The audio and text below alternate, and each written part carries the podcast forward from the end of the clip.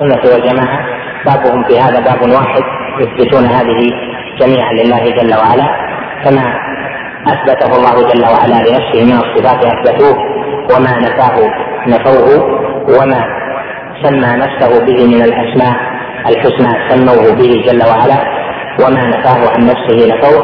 فالباب عندهم باب واحد في الصفات لا يفرقون في ذلك بين صفة وصفة ولا بين نص ونص. لأن الباب جميعا فإذا كانت الآية لأن الباب باب واحد في ذلك جميعا لأن الآية أو الحديث إذا ثبت أنه من آيات الصفات أو من أحاديث الصفات فإنهم يجرون عليه قاعدة الإثبات لما تضمنه من الأسماء والصفات والأفعال.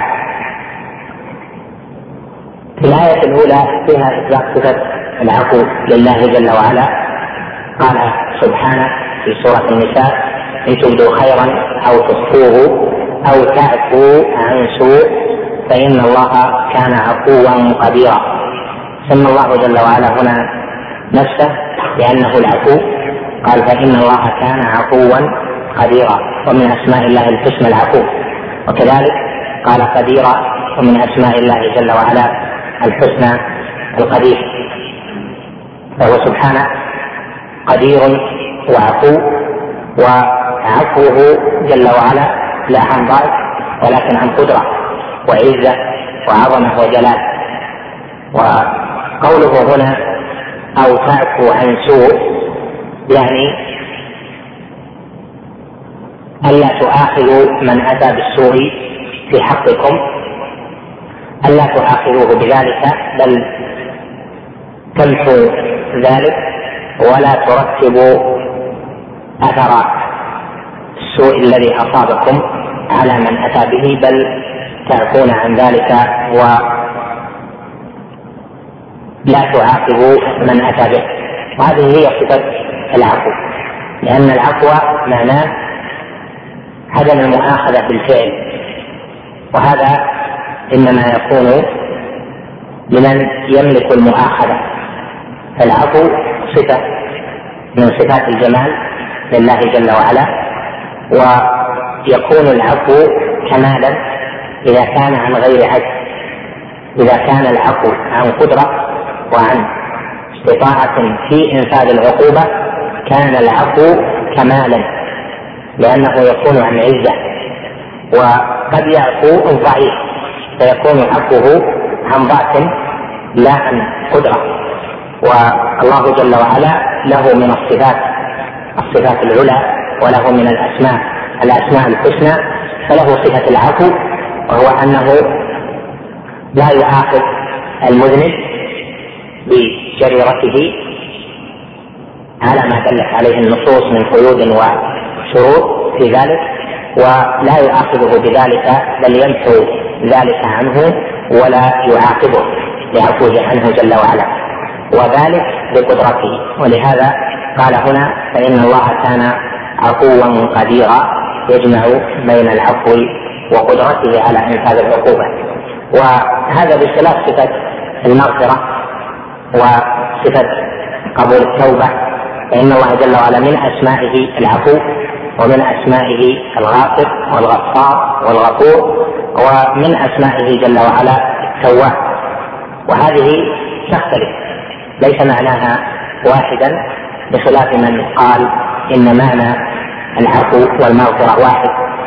العفو والغفور معناهما واحد. هذا ليس بصحيح بل الجهات تختلف والمعنى فيه نوع اختلاف مع أن بينهما اشتراكا. فكما ذكرت لك العفو عدم المؤاخذة بالجريرة. عدم المؤاخذة بالسيئة. يسيء وسيئته توجب العقوبة. فإذا لم يؤاخذ صار عدم مؤاخذته بذلك عفوا. وأما المغفرة فهي ستر الذنوب. أو ستر أثر الذنوب. وهذا جهته أخرى غير تلك لأن تلك فيها المعاقبة ترك المعاقبة على الفعل. وهذا ستر دون تعرض للعقوبة. والتواب هو الذي يقبل التوبة عن عباده ومعنى ذلك أنه يمحو الذنب ولا يؤاخذ بالسيئات إذا تاب العبد وأتى بالأسباب التي تمحو عنه السيئات. فإذا هذه ثلاثة أسماء من أسماء الله الحسنى لكل اسم دلالته غير ما يدل عليه الاسم الآخر. هنا في هذه الآية قال فإن الله كان عفوا قديرا يعني لا يؤاخذ العباد بجراحهم ولا يوقع العقوبة بهم على ما فعلوا. إذا شاء ذلك وذلك لكمال عفوه وكمال قدرته سبحانه. ولولا عفوه جل وعلا لفسدت الأرض ولهلك الناس لأن العباد ما من لحظة فيها إلا وهم يستحقون عليها العقوبة لأن الشرك أكثر من الإيمان وأهل الإشراك أكثر من أهل الإيمان والأرض من أزمان طويلة منذ أن تنسخ العلم في وفترته في قبل رسالة نوح عليه السلام قد عم فيها عم فيها الشرك وعم فيها الكفر حتى أتى نوح عليه السلام وأرسله الله جل وعلا فطهر الله جل وعلا الأرض من الكافرين إجابة لدعاء نوح ربي لا تذر على الأرض من الكافرين ديارا. فطهر الله جل وعلا الأرض بالتوحيد ثم عاد بعد ذلك الشرك والشرك أكثر في الأرض. ولو يؤاخذ الله جل وعلا الناس بما كسبوا ما ترك على ظهرها من دابة. وهذا جاء في آيات في سورة النحل وفي سورة فاطر ولهذا متعلق العفو عند أهل العلم هو الذنوب. فإن الذنوب موجبة للعقوبة كما قال جل وعلا وما أصابكم من مصيبة فبما كسبت أيديكم ويعفو عن كثير. يعني لا يأتيكم بالمصائب التي هي بسبب ذنوبكم وعدم الإتيان هو بسبب العفو. وقال جل وعلا وليعفوا وليصفحوا ألا تحبون أن يغفر الله لكم؟ والله غفور رحيم. فالعبد إذا عفا وصفح عن المذنب الذي أذنب في حقه فإن الله جل وعلا يغفر له. وهذه نزلت في امتناع أبي بكر من النفقة على قريبه مصطفى.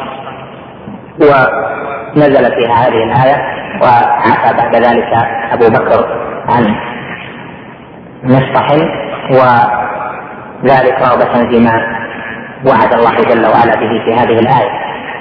قال والله غفور رحيم. وغفور هذا بناء مبالغة للكثرة يعني كثير المغفرة. يعني غفور فعول من غافر وغافر اسم فاعل المغفرة والمغفرة ستر الذنب. فلا يفضح الله جل وعلا العبد بذنوبه ولا يخزيه بل يغفر له ذلك ويستره إذا طلب المغفرة. وإذا كان مع طلب المغفرة مع طلب الستر إذا كان معه توبة وانابه إلى الله جل وعلا محيا تلك السيئات فيكون سترها بمعنى محوها أن توجد في صحائف أعماله. وهذا كما قال جل وعلا وإني لغفار لمن تاب وآمن وعمل صالحا ثم اهتدى بل قد يبدل الله جل وعلا بالتوبة السيئات حسنات كما قال جل وعلا إلا من تاب وآمن وعمل عملا صالحا فأولئك يبدل الله سيئاتهم حسنات وكان الله غفورا رحيما ومن تاب وعمل صالحا فإنه يتوب إلى الله متاب.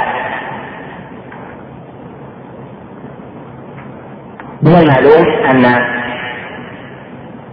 عدم المؤاخذة وعدم العقوبة هذا يشترط له الإسلام. فإن المشرك ليس ليس بداخل في أثر هذا الاسم في الآخرة ويدخل في أثره في الدنيا. لأن الله لا يعاجله بالعقوبة في الدنيا. قد يكون المشرك يشرك ثم يموت ولم يرى عقابه. قد مثل النبي صلى الله عليه وسلم المؤمن بخامة الزرع والتي تتبعها الرياح مرة ها هنا ومرة ها هناك والكافر يأتيه الموت مرة واحدة فيكسره. عن ذلك يعني أن العفو أثره في المسلم. وأما المشرك فليس من أهل العفو في الآخرة. وهو يعني جنس المشرك لا المشرك المعين. وأما في الدنيا فإن العفو كما ذكرت لك وسع أهل الأرض جميعا ولو لم يعفو الله جل وعلا عنهم لعاجلهم بالعقوبة. الآية الثالثة فيها إثبات صفة العزة لله جل وعلا قال سبحانه مخبرا عن قول إبليس فبعزتك لأغوينهم أجمعين وصفة العزة الله جل وعلا ثابتة. وذكر شيخ الإسلام هذه الآية التي فيها اثبات صفة العزة بعد آية فيها المغفرة والآية التي فيها العفو. ذلك لأن عفو الله جل وعلا ومغفرته عن عزة وهذا كمال بعد كمال. فإن صفات الكمال لله جل وعلا منها صفة العزة منها صفة المغفرة منها صفة العفو. والعفو كما ذكرت لك إذا كان عن عزة يعني عن قدرة على إنفاذ الوعيد عن قدرة على إيقاع العقوبة كان عفوا على كمال. وأما إذا كان عن عجز فليس عجز وعدم عزة فليس بكمال بل هو عن ضعف. وإلا فقد سبق أن ذكر شيخ الإسلام كما تعلمون ذكر الآيات التي فيها اسم الله جل وعلا العزيز. وقدمنا لك أن العزيز من أسماء الله جل وعلا الحسنى وهو المتصف بالعزة سبحانه وتعالى والعز في أوصاف الله أو في صفة الله جل وعلا له ثلاثة معاني والعزيز له ثلاث معان ذكرناها لكم فيما سبق. يجمعها قول ابن القيم رحمه الله تعالى وهو العزيز فلن يرام جنابه. أن يرام جناب ذي السلطان وهو العزيز القاهر الغلاب لم يغلبه شيء. هذه الصفتان وهو العزيز بقوة هي وصفه. فالعز حينئذ ثلاث معاني وهي التي كملت له سبحانه. كملت له هذه الثلاث معاني. فالأول من معاني العزيز الذي لا يرام جنابه. عزيز ممتنع لا يرام جنابه. لا يصل العباد لا يصل أحد إلى ضره فيضره. ولا يستطيع أحد أن يسلبه شيئا أو أن ينقص من صفته أو من فعله أو من ملكه شيئا بل هو جل وعلا الممتنع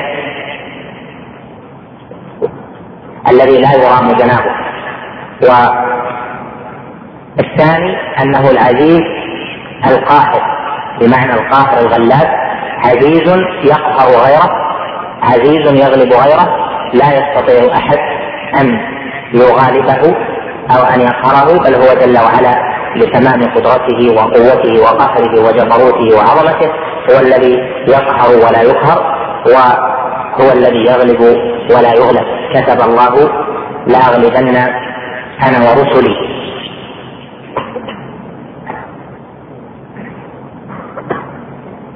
والثالث أن العزة بمعنى القوة وهي التي اجتمعت هذه الثلاث معاني اجتمعت لله جل وعلا. فاذا قوله فبعزتك فيها اثبات صفة العزة لله جل وعلا على نحو ما اوضحنا مختصرا.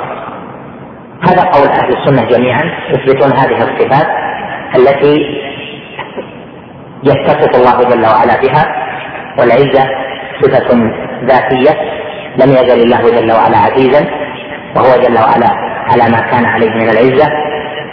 العزة وصف ذاتي له جل وعلا لا ينفك عنه.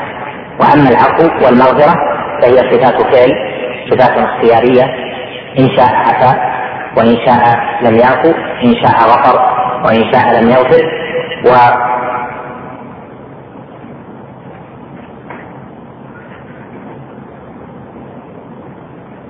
على ذلك تكون من الصفات الاختيارية التي هي متعلقة بمشيئة الله جل وعلا وقدرته. أما المبتدعة فإنهم على طريقتهم في ذلك. فأما أهل الاعتزال فإنهم يجعلون يفسرون العفو ويفسرون المغفرة وغير ذلك من صفات الفعل يفسرونها بأثرها. وأهل والأشاعرة والماتريدية ونحوهم يؤولونه فيجعلون المغفرة إرادة كذا ويجعلون العفو إرادة كذا فيرجعون هذه الصفات إلى الصفات السبع التي ثبتت عندهم بالعقل وهذا على نظائره مما سبق أن مر معنا مرارا في ذلك من أن من طريقة المعتزلة في مثل هذه الصفات وطريقة الأشاعرة في التأويل.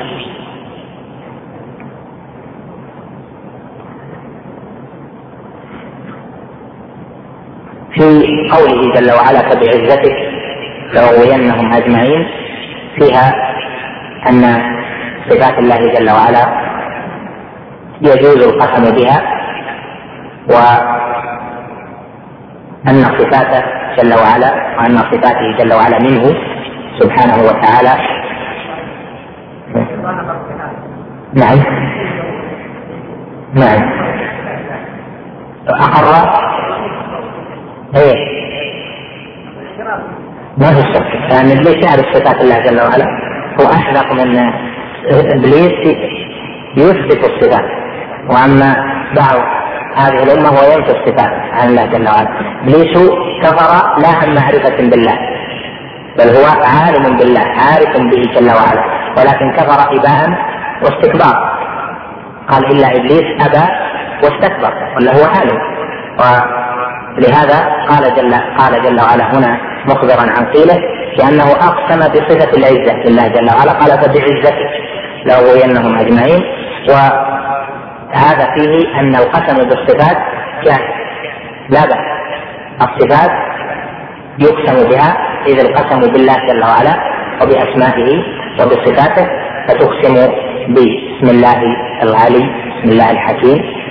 والعلي والحكيم والخبير والقدير والمحيط والحكيم وتقسم بصفات الله جل وعلا أيضا ورحمة الله تقصد رحمة الله جل وعلا التي هي صفته وعزة الله وكلام الله ونحو ذلك. كل هذا جائز لأنه قسم بما ليس بمخلوق. وأما الذي يمتنع فهو القسم بالمخلوقين.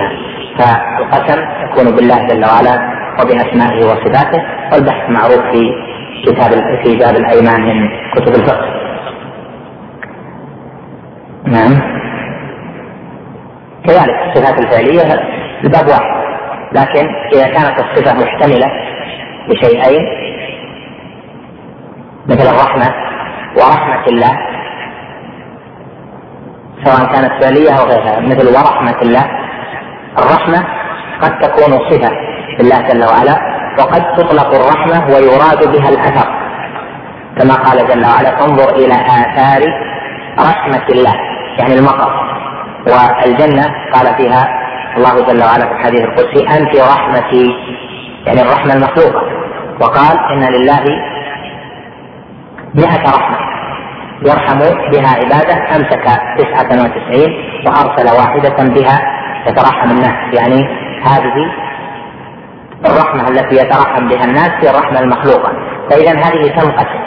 وإذا كانت تنقسم فلا يجوز أن يقسم إلا بنية أنه يقسم بصفة الله جل وعلا. هذا معروف. وله نظائر مثل وأمانة الله و أمثال ذلك. فإذا إذا كانت الصفة لا تنقسم فهذا واضح أنها قسم. إذا كانت تنقسم ثم خلاف بين العلماء هل يعتبر قسما مطلقا؟ باعتبار أن الأصل أنها صفة أم يعتبر قسم بالنية فيكون مجراه مجرى الكنايات والصواب في ذلك أنه يعتبر قسما إذا كان القسم بها شائعا. وأما إذا كان غير شائع فلا بد أن يأتي بالنية حتى يظهر الفرق بين مراده القسم هل هو قسم بالصفة أم قسم بأثر الصفة يعني الأثر المخلوق. بعد هذه الآيات ذكر شيخ الإسلام رحمه الله تعالى آيات كثيرة فيها بيان طريقة أهل السنة والجماعة في إثبات الصفات. ففي قوله جل وعلا هل تعلم له سميا؟ وفي قوله ولم يكن له كفوا أحد؟ وفي قوله فلا تجعلوا لله أندادا وأنتم تعلمون؟ وفي قوله ومن الناس من يتخذ من دون الله أندادا يحبونهم كحب الله. كل هذه فيها بيان طريقة أهل السنة والجماعة في إثبات الصفات وهو أنهم يثبتون صفات الله جل وعلا إثباتا مفصلا وينفون نفيا مجملا. فقاعدة أهل السنة والجماعة في الصفات أن الإثبات يكون مفصلا والنفي يكون مجملا. ولهذا في النفي قال هل تعلم له سميا وفي النفي قال جل وعلا ولم يكن له كفوا أحد. وفي النفي قال جل وعلا فلا تجعلوا لله أندادا. وفي النفي قال جل وعلا ومن الناس من يتخذ من دون الله أندادا يحبونهم كحب الله. وفي الإثبات قال جل وعلا تبارك اسم ربك ذي الجلال والإكرام الذي هو الإثبات المفصل. وفيه قال ليس كمثله شيء وهو السميع البصير. نفى مجملا ثم اثبت مفصلا. وهذه هي قاعدة أهل السنة والجماعة أوضحها بهذه الجملة الكثيرة من الآيات.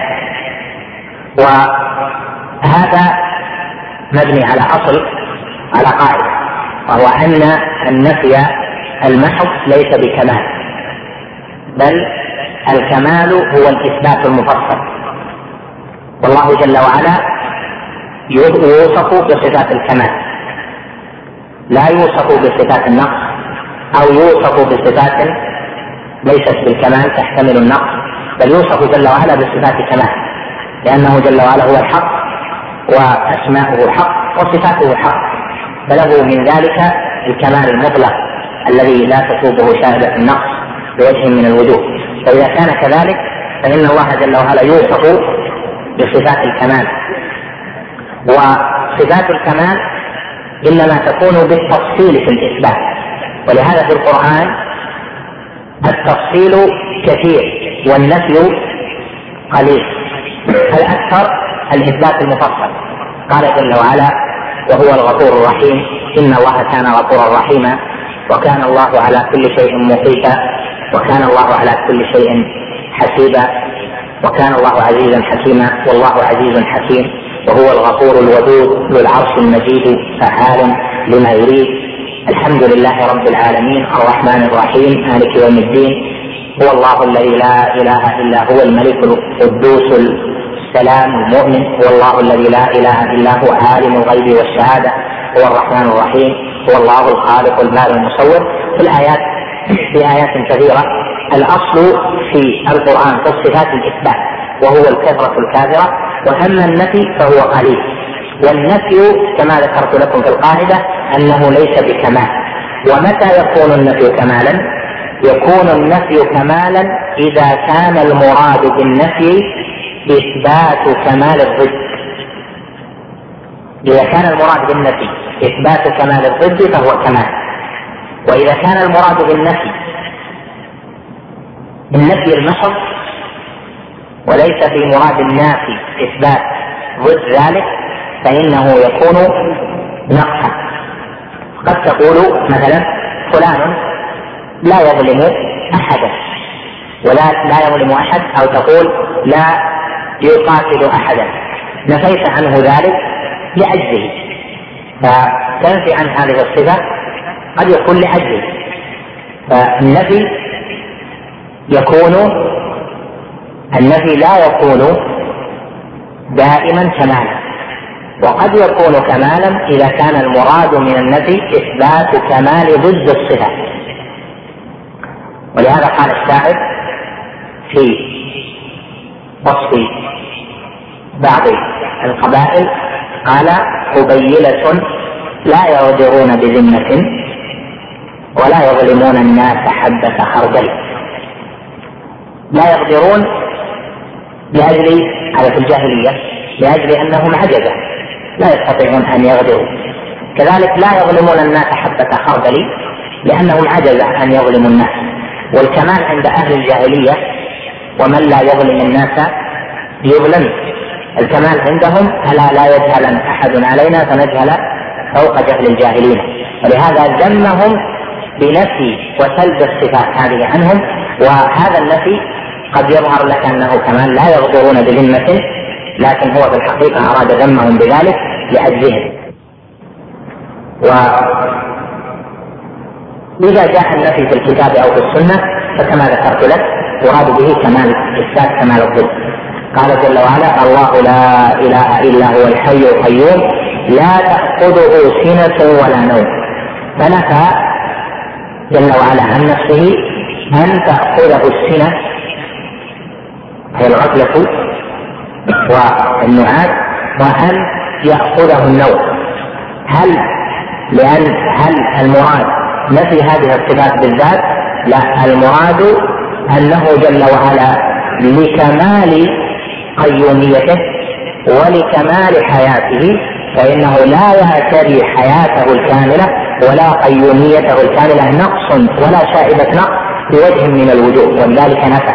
فيكون المراد بالنفي تقرير وتأكيد إثبات كمال الحياة وكمال القيومية. قال لا تأخذه سنة لا قال الله لا إله إلا هو الحي القيوم لا تأخذه سنة ولا نوم وذلك لكمال حياته ولكمال قيوميته.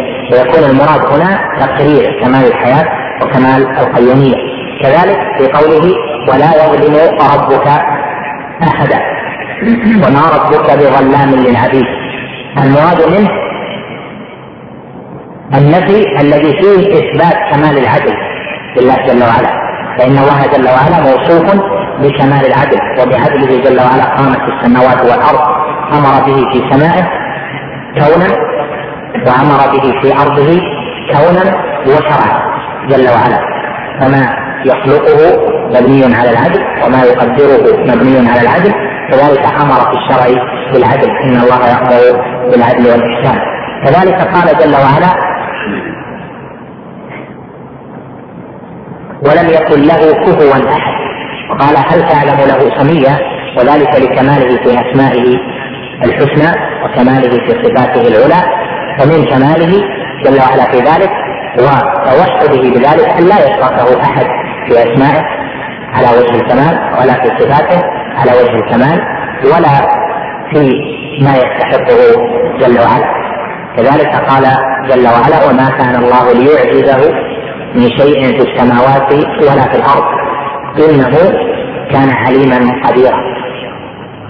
كما ذكرت لكم فيما سلف أن النفي هنا نفى عن الله جل وعلا العجز نفى الله عن نفسه العجز والعجز يكون بسبب عدم العلم أو بسبب عدم القدرة.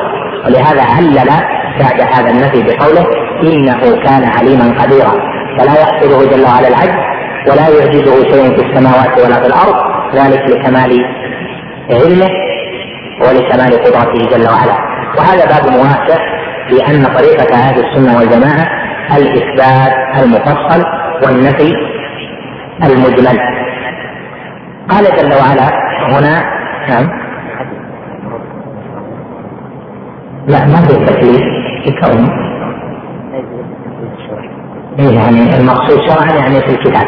يعني فيما انزله الله جل وعلا على رسله أما الملائكة ومن في السماء فلا تكليف لأنهم مأمورون. ونافذ في ذلك امره جل وعلا نافذ فيهم. كونهم غير مكلفين. باعتبار انهم غير مخاطبين بما أنزل الله جل وعلا على رسله. بخلاف يعني أحدث بعض أهل العلم هل النبي صلى الله عليه وسلم مبعوث الملائكة لا؟ ليس هذا؟ يعني هذا معروف في موضعه قال هنا هل تعلم له سميا هذا فيه الإنكار يعني لا أحد سمي لله جل وعلا. والسمي هو المسيح والنظير والشريك مثل الند ومثله قوله جل وعلا ولله المثل الأعلى وقوله وله المثل الأعلى يعني وله النعت والوصف والاسم الأعلى. وأما خلقه فلهم الافضل من ذلك أو ما يناسب ذاتهم مما فيه درجة. وقال ولم يكن له كفوا أحد. وقال فلا تجعلوا لله أندادا يعني نظراء وشبهاء وامثالا تجعلونها مواتية لله جل وعلا ومماثلة لما يستحقه جل وعلا. هذه الآيات ظاهرة في الدلالة على ما ذكرنا. والمبتدئة لهم في ذلك طريقة وهي أن الأصل عندهم أن النفي يكون مفصلا والإثبات يكون مجملا. النفي عندهم مفصل ياخذ كتاب من كتب المعتزلة أو كتاب من كتب المتكلمين أو كتاب من كتب الأشاعرة فتجد عندهم النفي المفصل. يقولون ليس بجوهر ولا عرض ولا جسم ولا ذي جوارح ولا دم ولا أعضاء ولا هو داخل العالم ولا خارجه ولا هو حديث ولا هو غائب ولا هو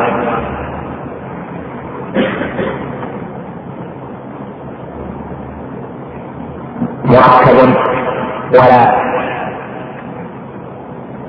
إلى آخره. في أسئلة بصفحة فيها لا لا لا كلها نفي. فيتعرفون ويعلمون ما يستحقه جل وعلا بالنفي لأن الأصل عندهم أن بالإثبات فيه التشبيه والتمثيل. ولهذا يلجؤون إلى طريقة النفي هذه. هذه الطريقة للمعتزلة ولأهل الكلام ولمتكلم الأشعرية. وبعض الأشعرية يثبت إثباتا مفصلا على حد ما عندهم نعم نعم. المعطلة هذا اسم هو المعطلة يشمل كل من عطل صفة أو صفات قلت أو كثرت. فالجهمية معطلة والمعتزلة معطلة. والماتريدية معطلة والكلابية معطلة والأشاعرة معطلة وأهل الكلام معطلة. فإذا قيل المعطلة فيعنى بها الجميع يعنى بها هؤلاء جميعا. وإذا قيل المشبهة يعنى بها من مثل الله جل وعلا ببعض خلقه. فيستعمل لفظ المعطلة إذا أريد جهة تعطيل الله جل وعلا عن صفاته. وأما إذا كل بالتفصيل نعم. الأشاعرة درجات منهم معتزلة الأشاعرة. يعني يثبتون وينفون كما ينفي المعتزلة لكن في الجنس معلوم أن أقرب تلك الفرق إلى السنة هم الأشاعرة. هم أقرب الفرق إلى السنة مهما عندهم. يعني أقرب مع بعد المسافه لكن إذا كان بيننا وبين ذلك مثلا مسيرة إيش؟ كذا وكذا من المسافات فهم الأشاعرة أقرب من غيرهم لأن الأشاعرة عندهم يخالفون في الصفات ويخالفون في الإيمان يخالفون في القدر ويخالفون في بعض مسائل الإمامة في بعض مسائلها لا جميع المسائل. وعندهم من في هذه الأمور من مخالفة السنة والبدع ما يوجب خروجهم عن مسمى أهل السنة. والجماعة. فهم من جملة الفرق الضالة التي قال فيها النبي صلى الله عليه وسلم وستفترق هذه الأمة على 73 فرقة كلها في النار إلا واحدة. إذا تبين لك ذلك فأهل البدع فهموا من النفي في النصوص أن النفي هو المقصود؟ واستدلوا على ذلك بتقديمه. قال جل وعلا ليس كمثله شيء. وهو السميع البصير والتقديم يدل على الاحتمال.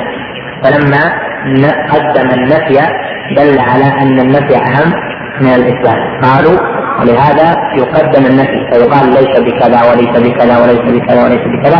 وبعد ذلك إذا جاء اثبات فقال وله مثلا العلم والحياة والقدرة مثل ما عند المعتزلة أو له آه، صفات السبع مثل ما عند الأشاعرة أو نحو ذلك طريقة أهل الكلام. وهذا ليس بصحيح بل هو باطل. والنفي ليس المقصود منه الاهتمام به ولكن النفي تخلية والإثبات تحلية ومن المتقرر في اللغة وعند العقلاء أن التخلية تسبق التحلية يخلي القلب ثم بعد ذلك يرجع يضع حتى إن هذه قاعدة عند العقلاء أو أنت بتغير مثلا تغير ما في هذا المسجد من فرش لازم إنك تخليه تطلعه برا وبعد تجيب الجديد قلوب المشركين كان فيها من الزوج في الاعتقاد ومن التشبيه ومن نفي الصفات ما فيها. الله جل وعلا نفى حتى يخلي القلب من من مماثلة. من من اعتقاد المماثلة أو اعتقاد المشابهة ويكون القلب سالما من براثن التشبيه والتمثيل ثم أثبت حتى يكون القلب أيضا سالما من التعطيل وفي قوله ليس كمثله شيء كما يقول العلماء رد على المشبهة. وفي قوله وهو السميع البصير رد على المعطل فإذا قولهم أن هذا لأجل الاهتمام نقول هذا لغويا ليس بصحيح. بل اللغة فيها أن البدء بالشيء يدل على الاهتمام به هذا صحيح. ولكن الاهتمام هنا لا يعني أن الاهتمام لاجل أن يكون النفي مفصلا لا؟ لأن التجسيم أو التشبيه هذا شرط ويجب أن ينفى وأما تقديم النفي على الإثبات فإنه لأجل أن التخلية تسبق التحليل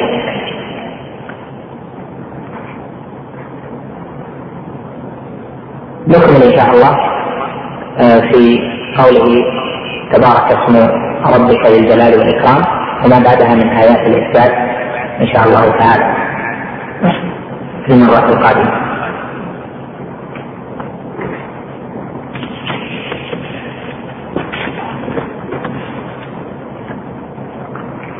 يقول إذا اجتمعت صفة العفو مع العزة أو القدرة على انفاذ العقوبة لأحد البشر هل يصح أن نقول إنه عفو كمال؟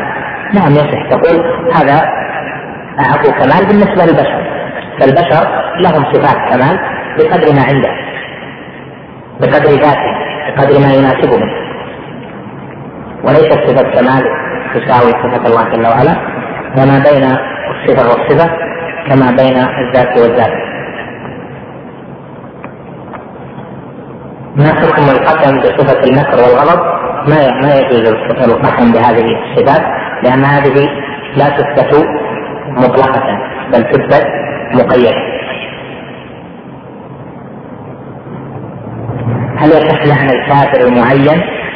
وهل ورد ذلك عن السلف الصالح؟ لعن الكافر المعين من جهة الجواز جائز من كافر معين بعينه جائز والأفضل تركه. هذا هو التحقيق في هذه المسألة. والعلماء لهم كلام طويل في لعن المعين. ففي لعن المعين من المسلمين خلاف. والأكثرون أكثر أهل السنة والجماعة على أنه لا يجوز لعن المعين من أهل الفسوق وإن كان يشمله اللعن في العموم. مثلا يشمله لعن في قوله ألا لعنة الله على الظالمين لكن لا تخص ظالما بلعنة. الفاسق يشمله اللعن ولكن لا تخص فاسقا بلعنة. لهذا يعني فاسقا معين. ولهذا لما أتي بأحد الصحابة يدعى عبد الله الحمار وقد كان يكثر شرب الخمر فلما أتي به في المرة الثالثة أو الرابعة قال الرجل قال أحد الصحابة لعنه الله. ما أكثر ما يؤتى به. فقال النبي عليه الصلاة والسلام لا تقولوا هذا فإنه يحب الله ورسوله. فدل على أن المسلم مرتكب الكبيرة لا يلعن بعينه لا يخص بعينه.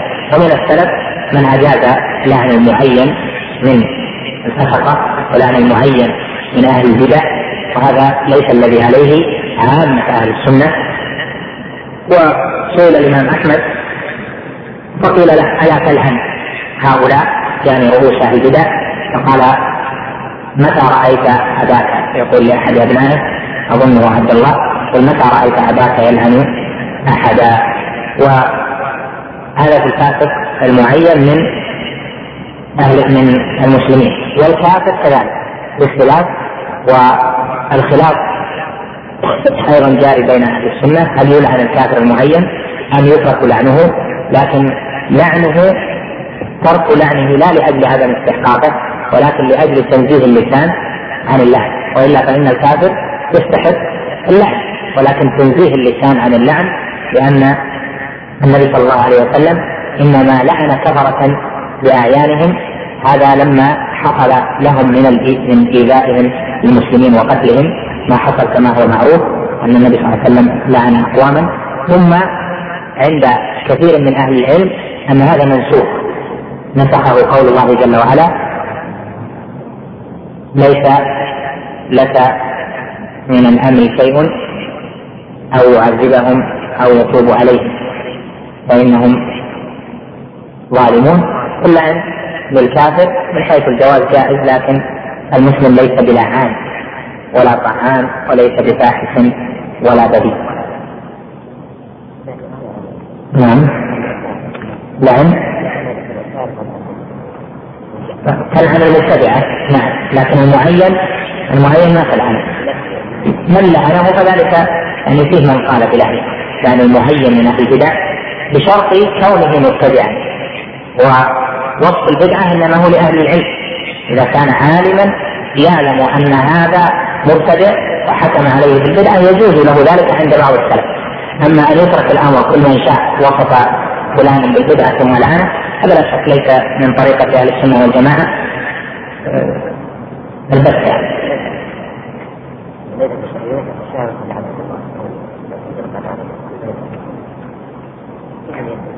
ما في ما في بس يعني لعنة لعنة بدون تعيين.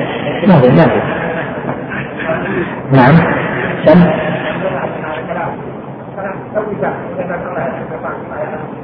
لا إبليس إبليس إبليس أهل العلم فيه يعني في لعنه على قوله منهم من يقول لا يجوز لعنه ومنهم من يقول يجوز مع الكراهه ويعني ان الأفضل فرق اللعن ومن أجاز اللعن مع الكراهة استدل بقول الله جل وعلا في إبليس وإن يدعون من دونه إلا شيطانا مريدا لعنه الله. والمانعون من لعنه استدلوا بحديث صحيح في الباب. فيه أن النبي صلى الله عليه وسلم قال لا تلعنوا الشيطان فإنه يتعاظم. إذا لعن ينتفخ يعني أنه صار شيء كيف أنها أنه يلعن وأكثر والأولى أن لا يلعن. يعني هذا هو الأولى أنه يترك لعنة. نعم. الله المستعان.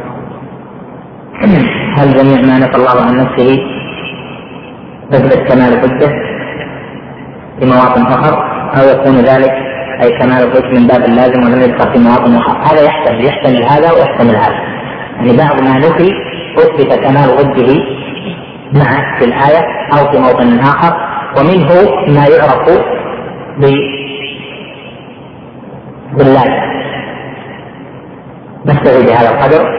نسال الله جل وعلا أن يجعلنا وإياكم من عباده المتقين وصلى الله وسلم على نبينا محمد. أما الآن فنترككم مع مجلس آخر من هذا الشرح وأشهد أن محمدا عبد الله ورسوله صلى الله عليه وعلى آله وصحبه وسلم تسليما كثيرا إلى يوم الدين أما بعد فهذه الجملة من الآيات فيها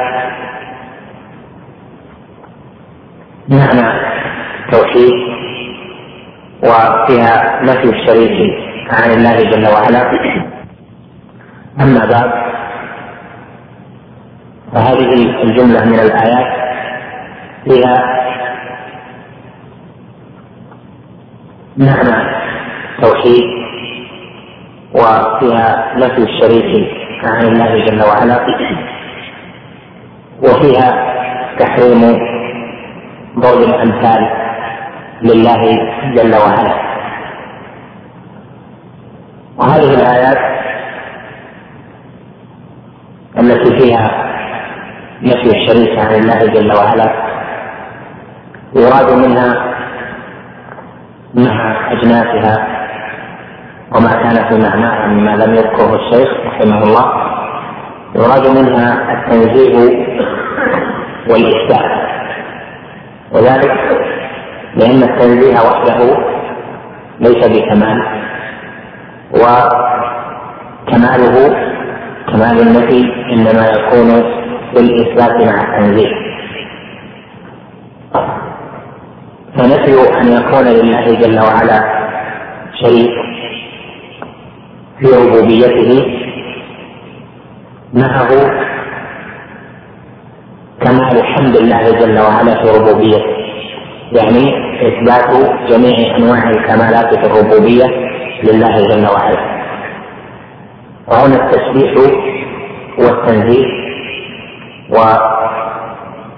ولهذا أورد الآيات التي فيها تحميد والآيات التي فيها التسبيح.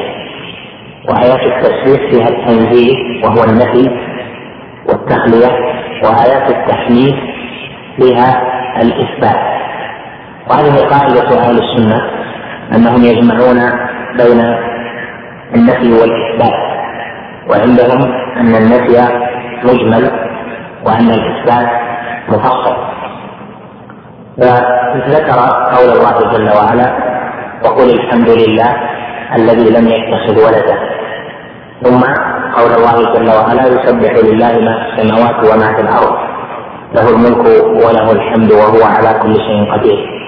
فهاتان الآيتان متقابلتان. الآية الأولى فيها حمد الله. والآية الثانية فيها تسبيح الله. والتسبيح معناه في اللغة وأيضا في القرآن معناه التنزيه والإبعاد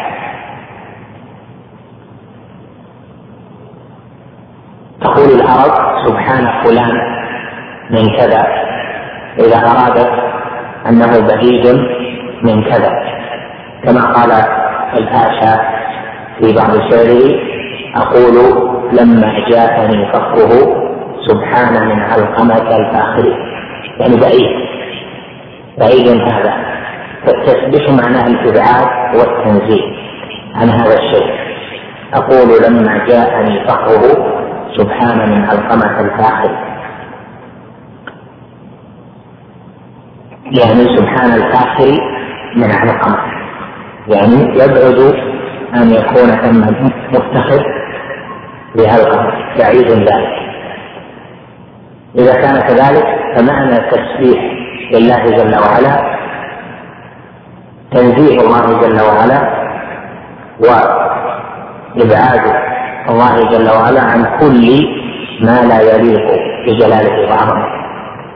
معنى ذلك تنزيهه عن الشركة في ربوبيته وتنزيهه عن الشريك في ألوهيته وتنزيهه عن الشريك في أسمائه وصفاته وتنزيهه عن الشريك في قضائه وقدره وتنزيهه عن الشريك في حكمه وأمره.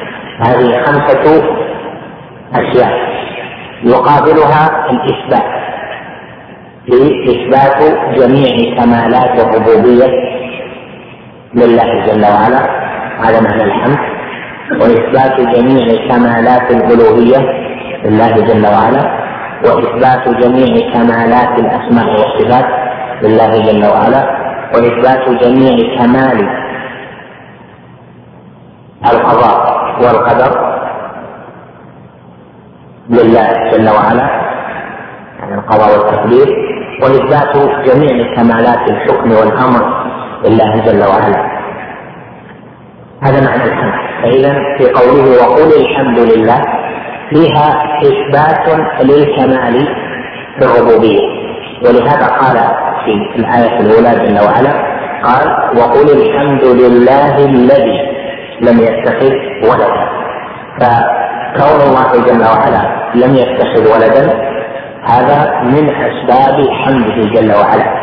فهو يحمد على كماله في الربوبية وعلى كماله في الأسماء والصفات وعلى وجوب وثبوت جميع أنواع الجلال والكمال له في ذلك ولهذا لم يتخذ ولدا.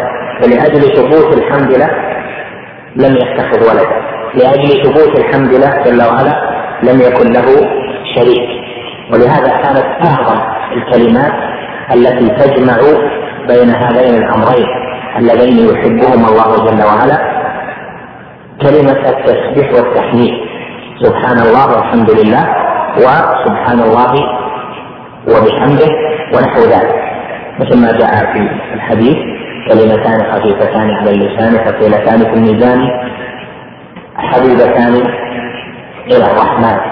سبحان الله وبحمده سبحان الله العظيم. لأنها تشتمل على تنزيه والإثبات. أيضا من أفراد إثبات الاثبات لله جل وعلا أنه قال ولم يكن له شريك في الملك وهذه عامة. ولم يكن له شريك وشريك هنا نكرة أتت في سياق النفي فيشمل جميع ما يمكن من أنواع الشركة في الملك. والشركة في الملك قد تكون شركة على وجه الاستقلال هذا واحد. وقد تكون شركة على وجه البعضية يعني لا ينفرد الشريك بملك ولكن يشارك في بعضه وقد تكون الشركة بغير ذلك. الله جل وعلا نفى جميع أنواع الشركة له في ملكه جل وعلا. ولم يكن له ولي من الذل. هذه هذا النفي المتكرر بقوله لم يتخذ ولدا لم يكن له شريك في الملك لم يكن له ولي من الذل. هذا كله لأجل ثبوت الحمد له جل وعلا. ولهذا قال وقل الحمد لله الذي الحمد للمنعوت بأنه لم يتخذ ولدا ولم يكن له شريك في الملك ولم يكن له ولي من الذل. الولي يعني الناصر والذل يعني الضعف والاحتياج. وبعدها الآية يسبح لله ما في السماوات وما في الأرض له الملك وله الحمد. قال أهل العلم إن التسبيح كما ذكرت لكم هو التنزيه. لله جل وعلا عما لا يليق به ولا يليق بجلاله وعظمه وقوله هنا له الملك وله الحمد هذا في مقام التعليم يعني ثبت التسبيح له لعلة كونه جل وعلا له الملك وله الحمد. قال يسبح لله ما في السماوات وما في الأرض له الملك وله الحمد وهو على كل شيء قدير. وقوله له الملك وله الحمد ويسبح لله هذه ثلاث من اللامات مختلفة.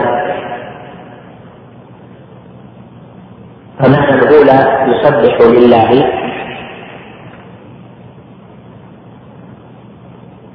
معناها يسبح الله.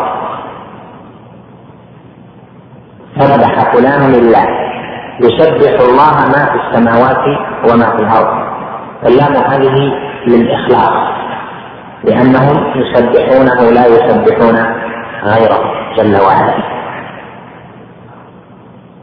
وكل ما في السماوات وما في الأرض يسبح الله. وإن من شيء إلا يسبح يعني يسبح الله بحمده.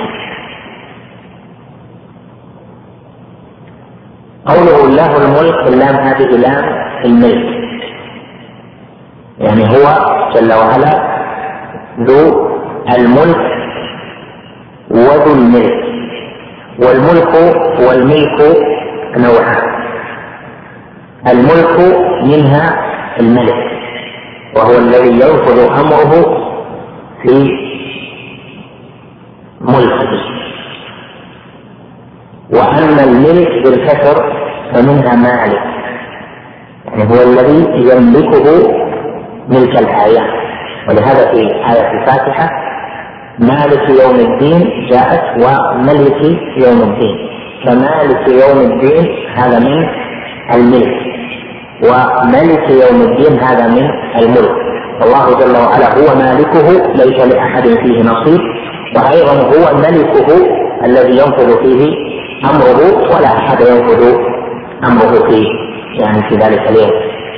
الثالث وله الحمد مثل قوله الحمد لله هذه لام الاستحقاق. وضابطها أنها التي يكون بعدها أو الذي التي تضيف المعاني إلى الزواج ولام الملك هي التي تضيف الأعيان أو الزواج للزواج مثلا تقول؟ الفخر لي. المجد لفلان. العز لفلان. هذه كلها معاني. اللام العز لفلان المجد لفلان الاجتهاد لفلان يعني على جهة إيش؟ الاستحقاق. أما إذا كان قبلها عين ذات فهي تجعل هذه الذات ملكا لي من اضيفت له فتقول الكتاب لأحمد. كتاب لأحمد يعني ملكا. هذا النوعان في هذا آه، السياق. بقي نوع ثالث وهو نام الاختصاص أو شبه الملك هذه كثير عنوان في القرآن آه، ليس هذا محل ايضاح كذلك في قوله جل وعلا تبارك الذي نزل القرآن على عبده ليكون للعالمين نذيرا الذي له ملك السماوات والأرض ولم يتخذ ولدا ولم يكن له شريك في الملك. هنا قوله تبارك هذا لفظ خاص بالله جل وعلا. فلا يجوز أن يقال في حق أحد غير الله جل وعلا تبارك فلان. لأن الله جل وعلا هو الذي له الوعد وهو الذي تبارك.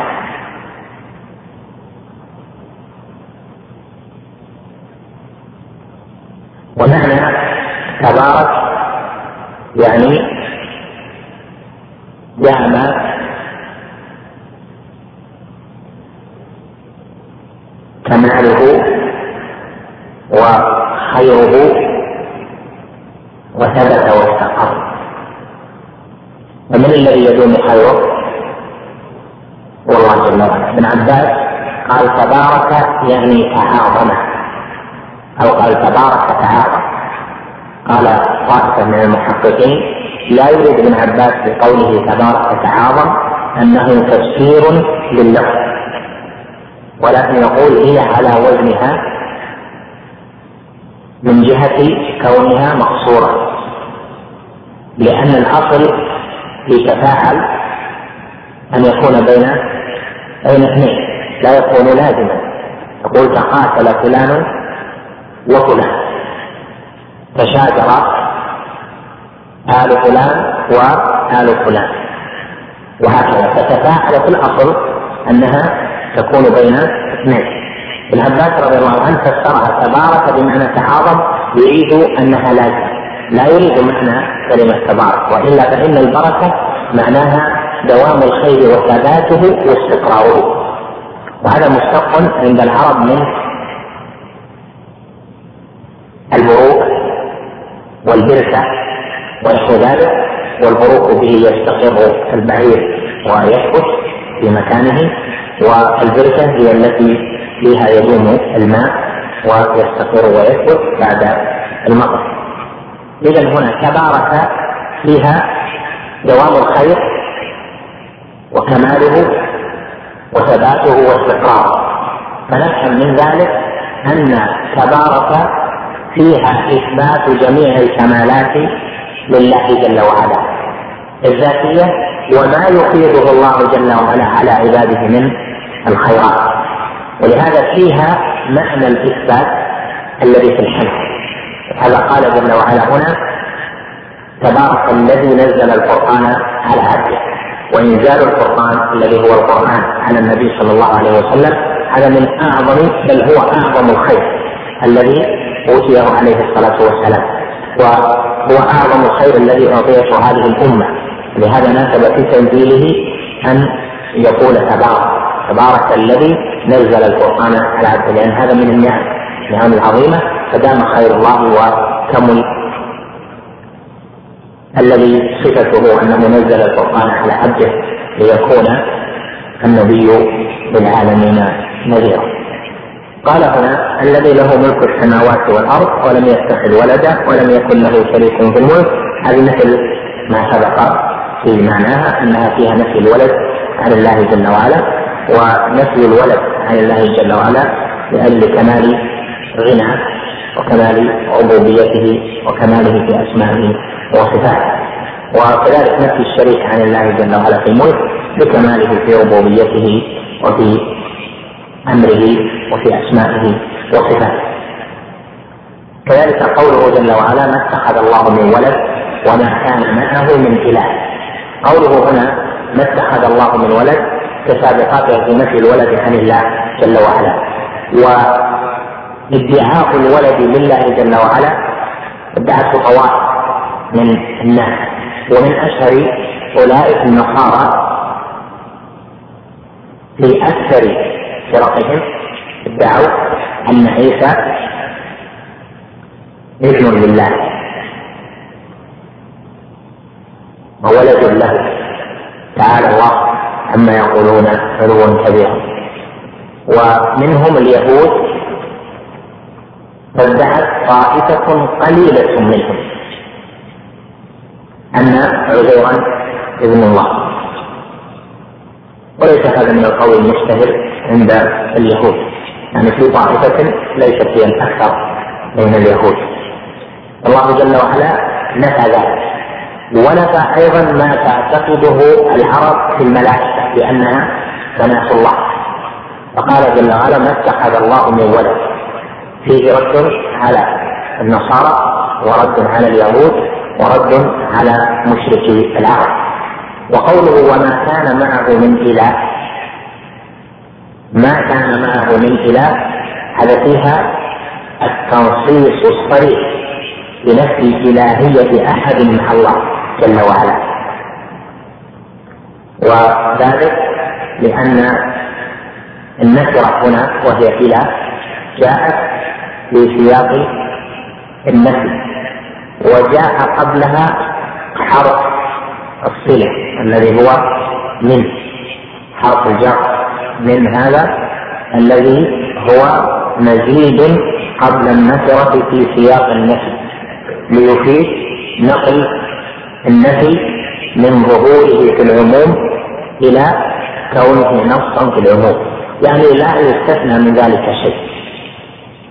قوله ما اتخذ الله من ولد كذلك. هذا نفي لجميع الولد. لكن لو قال في في مثل ما في المواضع الأخرى لو كانت كل المواضع لم يتخذ ولدا لكان هذا ظهور في العموم. يحتمل أن يستثنى منه بعض. الحالات. يحتمل وان كان الاحتمال مرجوحا ضعيفا كما هو مقرر في الاصول لكن قوله هنا ما اتخذ الله من ولد بزيادة من قبل النكرة في سياق النفي يفهمنا أن المواضع التي نفي فيها الولد عن الله جل وعلا أن المراد منها التنصيص الصريح على نفي الولد وهذا لا يخرج عنه أحد. ولهذا شملت جميع اولئك كذلك قوله ما كان معه من إله. والإله هو المعبود كما هو معلوم لكم قررناه أكثر من مرة. الإله فعال بمعنى مفعول معبود لأنه مأخوذ من الألوهة والألوهة بمعنى العبادة أو العبودية. من له الألوهة؟ من له العبادة من له العبودية والانقياد لله جل وعلا. إذا قوله وما كان معه من إله يعني لم يكن معه أحد يستحق أن يعبد. ثم قال جل وعلا اذا لذهب كل إله بما خلق ولعلى بعضهم على بعض. إذا كان ثم أحد يصح أن يكون إلها فلا بد أن يكون مالكا. ولا بد أن يكون خالقا لما ملك. الله جل وعلا قال في هذه الآية اذا يعني لو كان ثم إله معه لكان هذا الإله مالكا لشيء. وإذا كان مالكا لشيء فهو خالق له. ولهذا قال اذا لذهب كل إله بما خلق. وصار عدة انواع من الملكوت وكل ملكوت له خالق وكل خالق يعبده من في ذلك الملكوت. هذا من أعظم الفساد الذي يكون وهذا هو الذي نفي في آية الأنبياء.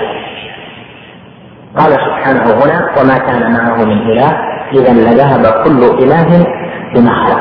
وهذا لأجل أن الألوهية والربوبية لأن الخلق من أفراد إيش؟ أفراد الربوبية. أليس كذلك؟ خلق والرزق والإحياء والإماتة هذا من أفراد الربوبية. وهنا قال إذا لذهب كل إله بما خلق. وذلك لما بين الألوهية والربوبية من من الترابط فالألوهية مستلزمة فالألوهية متضمنة للربوبية. والربوبية مستلزمة للإلهية. يعني من كان إله فهذا متضمن يعني كونه إله كونه اعتقد فيه أنه إله أو ادعى أنه إله يتضمن هذا الادعاء أنه رب وأنه خالق وأنه مالك على وجه الاستقلال متضمن له. لأن ثبوت الإلهية يعني ثبوت استحقاق العبادة لا يكون إلا بعد ثبوت الربوبية.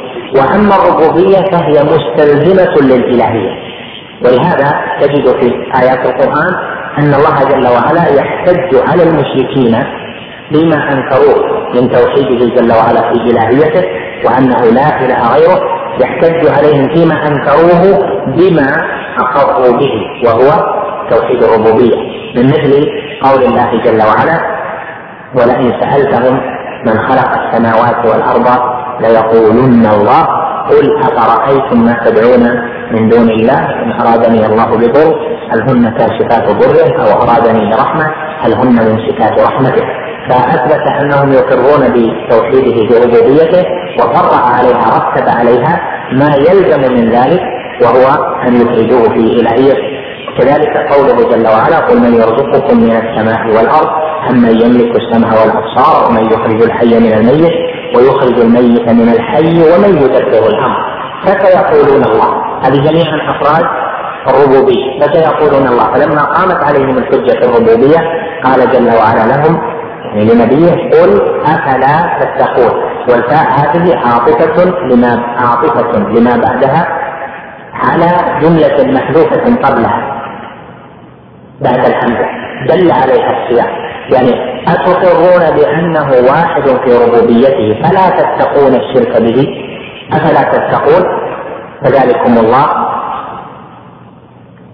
وهذه يعني فذلكم الإله المستحق للعبادة وحده فذلكم الله ربكم الحق فماذا بعد الحق إلا الضلال.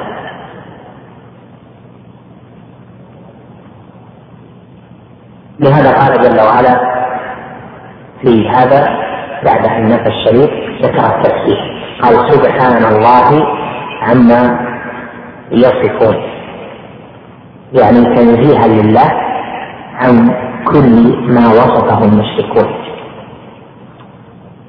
عالم الغيب والشهادة وتعالى عما يشركون.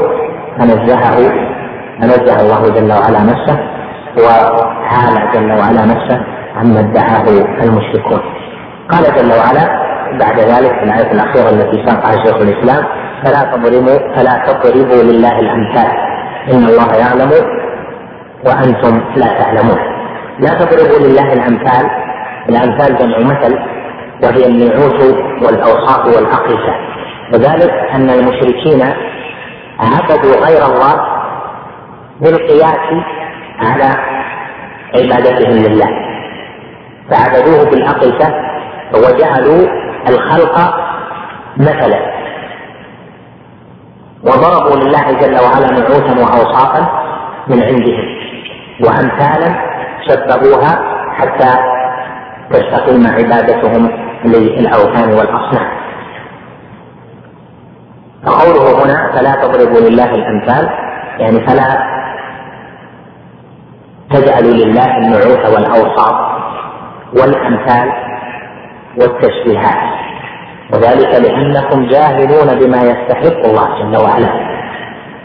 وما يجب تنزيهه عنه. وعلل ذلك النهي بقوله إن الله يعلم وأنتم لا تعلمون. لما تقرر أن ان وما دخلت عليه إذا أتت بعد النهي أو الأمر فإنها تفيد تعليم فإذا لماذا نهوا عن ضرب الأمثال لله؟ لماذا نهي كل الخلق عن أن يضربوا لله الأمثال؟ نهوا عنها لأنهم لا يعلمون والذي يعلم ما يجب له وتفاصيل ما يستحق وما يصلح له من الأمثال وما لا يصلح هو الله جل وعلا لهذا قال إن الله يعلم وأنتم لا تعلمون ثم بعدها ضرب الله جل وعلا الأمثال التي تصلح له جل وعلا. بقوله ضرب الله مثلا عبدا مملوكا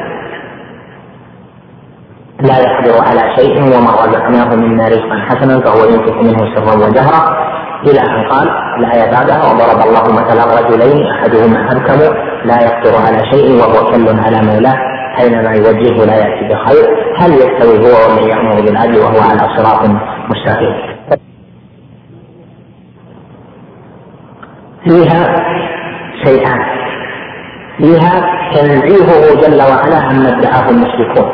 لأن المشركون فيما ادعوه لله ضربوا الأمثال فهذه الآية جعلها شيخ الإسلام بعد الآيات السابقة لأنها في معنى التشبيه. الله جل وعلا نزه نفسه عما قاله المشركون ومن ضمن ذلك أنه نهى أن تضرب له الأمثال تنزيهه جل وعلا وتثبيته عما ادعاه المشركون فيه جل وعلا. وفي الآية الأخيرة قال قل إنما حرم ربي الفواحش ما ظهر منها وما بطن والإثم والبغي بغير الحق وأن تشركوا بالله ما لم ينزل به سلطانا وأن تقولوا على الله ما لا تعلمون. هذا من جنس الآية التي قبلها. فالمشركون قالوا على الله بغير علم فقاسوا الآلهة على الله وقاسوا ما يستحق تستحقه الآلهة على ما يستحقه الله فجعلوا بعض خصائص بعض خصائص الألوهية لهذه الآلهة من البشر والحجر ومن الصالحين وغيره هذه الآيات كما ترى فيها نفي الشريك عن الله جل وعلا. وهذا مشتمل بنفي الشريك عنه في ربوبيته ونفي الشريك عنه في إلهيته ونفي الشريك عنه في أسمائه وصفاته ونفي الشريك عنه في قضائه وقدره ونفي الشريك عنه في حكمه وأمره.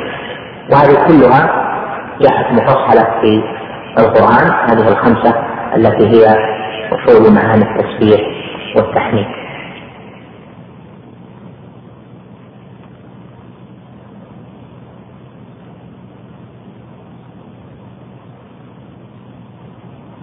نعم نعم ارفع نعم سبحانه وتعالى يبدو نعم نعم حتى لا يقع كلام ارفع صوتك وش اللي يقرأ؟ ان الله سبحانه وتعالى هذه الايه نعم تضربوا لله الامثال ان الله يعلم وأنتم لا تعلمون نعم فائده المثال ان الله يعلم وأنتم لا تعلمون طيب ها وخلها وصل يعني الثاني ما جاء إن شاء الله يمكن بعد نعم طيب. فلا تضربوا لله الأمثال. إن الله يعلم وأنتم لا تعلمون. هذا كما سبق في الآيات فيه تسبيح فيه التسبيح وفيه التحميد. فذكرت أولا أن فيه إيش؟ فيه التنزيه وهذا هو مقام تسبيح فيه تنزيه الله جل وعلا لأن المشركين ضربوا الأمثال. ولم ينزهوا الله جل وعلا ولم يسبحوه يعني أبعدوه عن كل نقص ولم ينزهوه عن كل نقص بل جعلوا للمخلوقات أو لبعض المخلوقين ما لله جل وعلا. ففاتهم التنزيه وضربوا الأمثال فوقعوا في أنهم جعلوا بعض خلق الله كالله جل وعلا في ما يستحق وما لا ينبغي له. والثاني إثبات الكمالات التي هي الحمد. وأن المشركين لم يثبتوا ما يستحق الله جل وعلا من الكمالات. فلذلك المشرك ليس بمسبح ولا بحامد لله جل وعلا على وجه الكمال. من الذي يسبح الله ويحمده على وجه الكمال؟ هو المؤمن المسلم. أما المشركون فقد يسبحون الله في بعض الأمور ينزهون الله في بعض الأمور ويشركون به في بعض آخر. فمثلا إذا أتت الربوبية ينزهون الله عن الشريك في القضاء والقدر ينزهون الله عن الشريك لكن في الأسماء والصفات لم ينزه الله عن الشريك لم يسبحوه جل وعلا عن الشركاء كذلك في الألوهية عبدوا معه غيره غيره. كذلك في الحكم والتحاكم والأمر لم ينزه الله جل وعلا عن أن يكون معه أحد يشترك معه في تشريع الحكم. كما قال سبحانه ان الحكم إلا لله. هذان الشيئان. وكل هذين الأمرين يعني كونهم لم يسبحوا ولم يحمدوا هذان الأمران لأجل أنهم لا يعلمون. فاذا العلم فيه إثبات التسبيح والحمد لله جل وعلا على أكمل الوجوه. نعم التحميد كما ذكرت لك إثبات الكمالات والربوبيه والألوهية. الربوبية ليس هو الذات فقط فيها أشياء ذاتية وفيها متعدية والخلق متعدي. آه الإحياء متعدي الاماته إلى اخره ففيها تعدي نعم كمل أقرأ هذا نعم. الايات بيقرا عبد الله إبراهيم تقرا عبد الله. نعم. الرحمن على العرش استوى في سبعه مواضع في سورة الأعراف في قوله سبحانه إن ربكم الله الذي خلق السماوات والأرض في ستة أيام ثم استوى على العرش.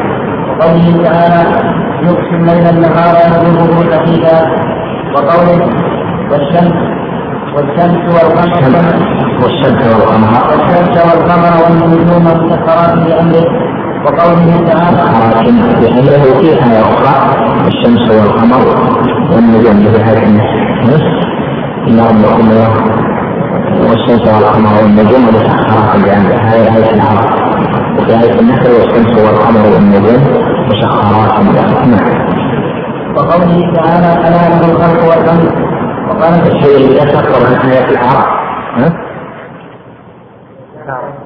لا الاستدلال هو على الاستواء بآية العرب. فلذلك الشمس والقمر والنجوم. مثل آية الأعراف إن ربكم الله الذي خلق السماوات والأرض إيش آية عدد من الوقت وقوله تعالى الرحمن على العرش استوى في سبعة مواضع في سورة الأعراف في قوله سبحانه ان ربكم الله الذي خلق السماوات والارض في ستة أيام ثم استوى على العرش وقوله تعالى يغشي الليل النهار يطلبه حديثا وقوله وقوله هذا هو قوله هذه زائدة ثم استوى على العرش يغشي الليل النهار يطلبه حديثا والشمس والقمر وقوله عن الاستواء من هذه آية أخرى ولذلك هذه الآية ما فيها مقام استدلال على الاستواء لو كان المراد آية أخرى ما فيها وآية النحل ما فيها يغشي الليل النهار نعم النسخة هذه النسخة اللي عند الأخ ما فيها إلا إلى قولك ثم استوى على العرش. أنت عندك فيه غلط. النسخة. نعم كمل. والقمر والنجوم مسخرات مسخرات بأمره وقوله ألا له الخلق والأمر هذه كلها الناس كلها آية واحدة. وقال سبحانه في سورة يونس إن ربكم الله الذي خلق السماوات والأرض في ستة أيام ثم استوى على العرش وقال في سورة الرعد الله الذي رفع السماوات بغير عمد ترونها ثم استوى على العرش. وقال سبحانه وتعالى في سورة طه الرحمن على العرش استوى. وقال في سورة الفرقان ثم ثم استوى على العرش الرحمن وقال في سورة الإسلام من السجدة الله الذي خلق السماوات والأرض في ستة أيام ثم استوى على العرش. وقال في سورة السجدة وقال في سورة السجدة الله الذي خلق السماوات والأرض وما بينهما في ستة أيام ثم استوى على العرش. نعم. وقال في سورة الحديث وهو الذي خلق السماوات والأرض في ستة أيام ثم استوى على العرش. نعم. هذه سبعة نعم. انتهى. لا من يتصل الكلام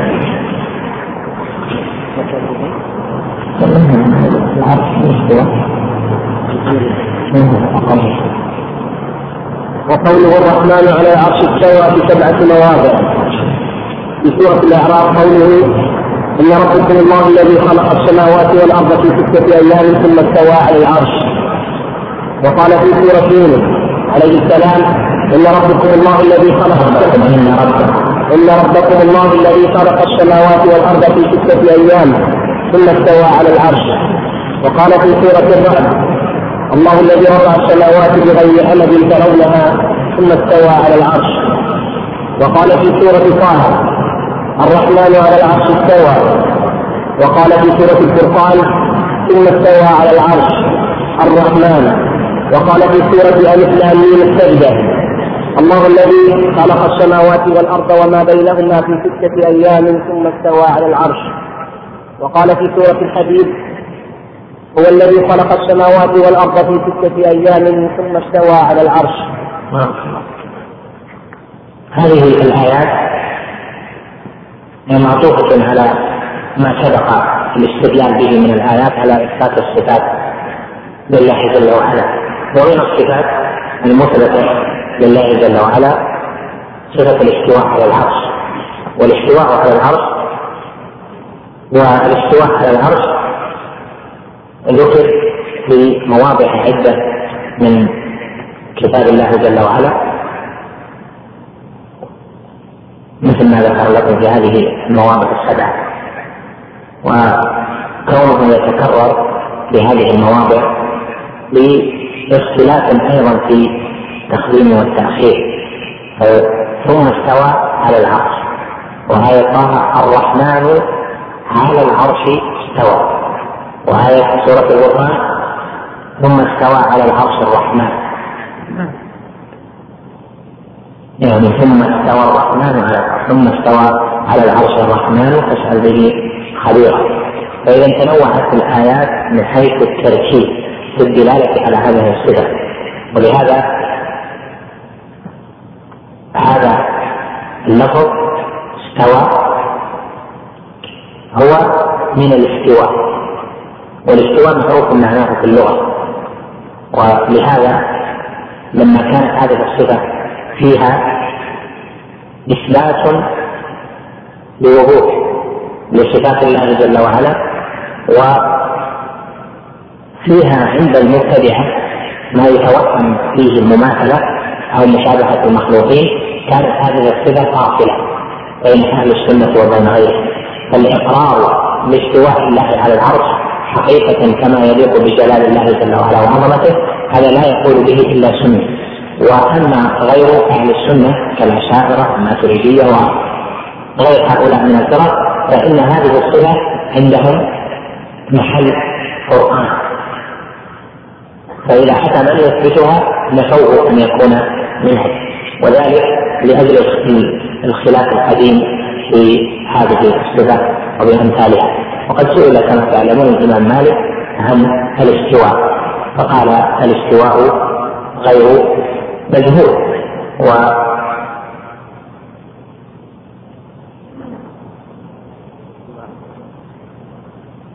قال الاستواء غير مجهول يعني وفي لفظ آخر قال الاستواء معلوم لكن الأشهر الاستواء غير مجهول يعني غير مجهول المعنى في اللغة والكيف غير معقول والإيمان به واجب و إنكاره بدعة وما أراك إلا مبتدعا. هذه الصفة صفة الاستواء كما قال الإمام مالك الاستواء غير مجهول. أو الاستواء معلوم يعني في اللغة. ولهذا أهل السنة قاعدتهم في هذه الصفات أنهم يؤمنون بما وصف الله جل وعلا به نفسه أو وصفه به رسوله صلى الله عليه وسلم. من الصفات ويفهمون ذلك ويثبتونه على مقتضى اللسان العربي. ومعلوم أن اللسان العربي من حيث المعاني فيه المعاني الكلية وفيه المعاني الإضافية. فهناك معاني الكلية هذه بشرط الكلية لا توجد إلا في الأذهان. يعني أن نتصور معنى عام للاستواء من غير إضافته لأحد. هذا بحث لغوي بحث لكنه في الواقع غير موجود. فكيف إذا تفسر الألفاظ اللغوية؟ الألفاظ اللغوية تفهمها العرب وتفسرها بالمعنى العام الكلي الذي يكون في الذهن. وإذا صار مضافا في الخارج إلى الأشخاص فإنه تكون الإضافة فيه بحسب ما يليق بالمضاف إليه.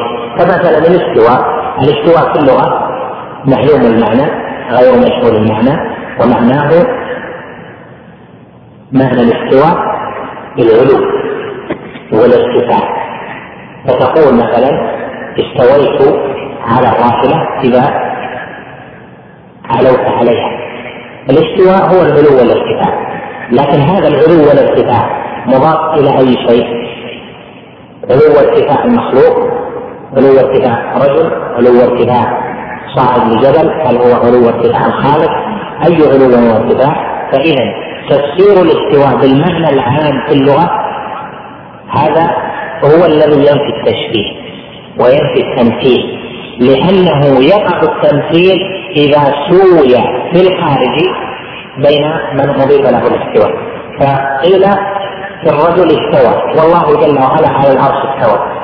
الملك استوى على عرشه والله جل وعلا استوى على عرشه. الاستواء من حيث كونه معنى كليا في الذهن؟ معناه واحد. لكن إذا أضيف إذا خصص به فإن المعنى يختلف. يكون بحسب من خصص به. وهذه قاعدة مهمة أن المعاني الكلية تختلف معانيها بالإضافة والتخصيص. الإضافة والتخصيص إلى من فعل الفعل أو من اتصف بالوصف. فعندنا صفة المحبة. الله جل وعلا له المحبة والمخلوق أيضا له محبة. المحبة من حيث اللغة إذا قال ما المحبة؟ إذا فسرها لغوي بما يجعل في ذهنه أن المراد في تفسير المحبة محبة المخلوق فإنه هنا يغلط. لأن الواجب في تفسير الألفاظ اللغوية أن تفسر بالمعاني الكلية التي لا توجد في الخارج لكي تشمل جميع الأصناف. تشمل محبة المخلوق تشمل محبه يعني محبة الإنسان طبيعية محبة الرجل المرأة المرأة للرجل محبة الحيوانات الأم لولدها أو الولد لأمه محبة الملائكة تشمل محبة الله. هذا المعنى الكلي هو الذي يشمل الجميع وإنما يختلف في الخارج باختلاف الإضافة والتخصيص ولهذا في الاستواء الله جل وعلا أثبت أن بعض خلقه له الاستواء. فقال فإذا استويت أنت ومن معك على الفلك. إذا استويت أنت ومن معك على الفلك يعني علوتم وارتفعتم على الفلك. فقل الحمد لله الذي نجانا من القوم الظالمين. كذلك في قوله فلما بلغ أشده واستوى. يعني موسى. فلما بلغ أشده واستوى. موسى عليه السلام. هنا استوى بلا حرف جر لكن من الذي استوى؟ هنا موسى.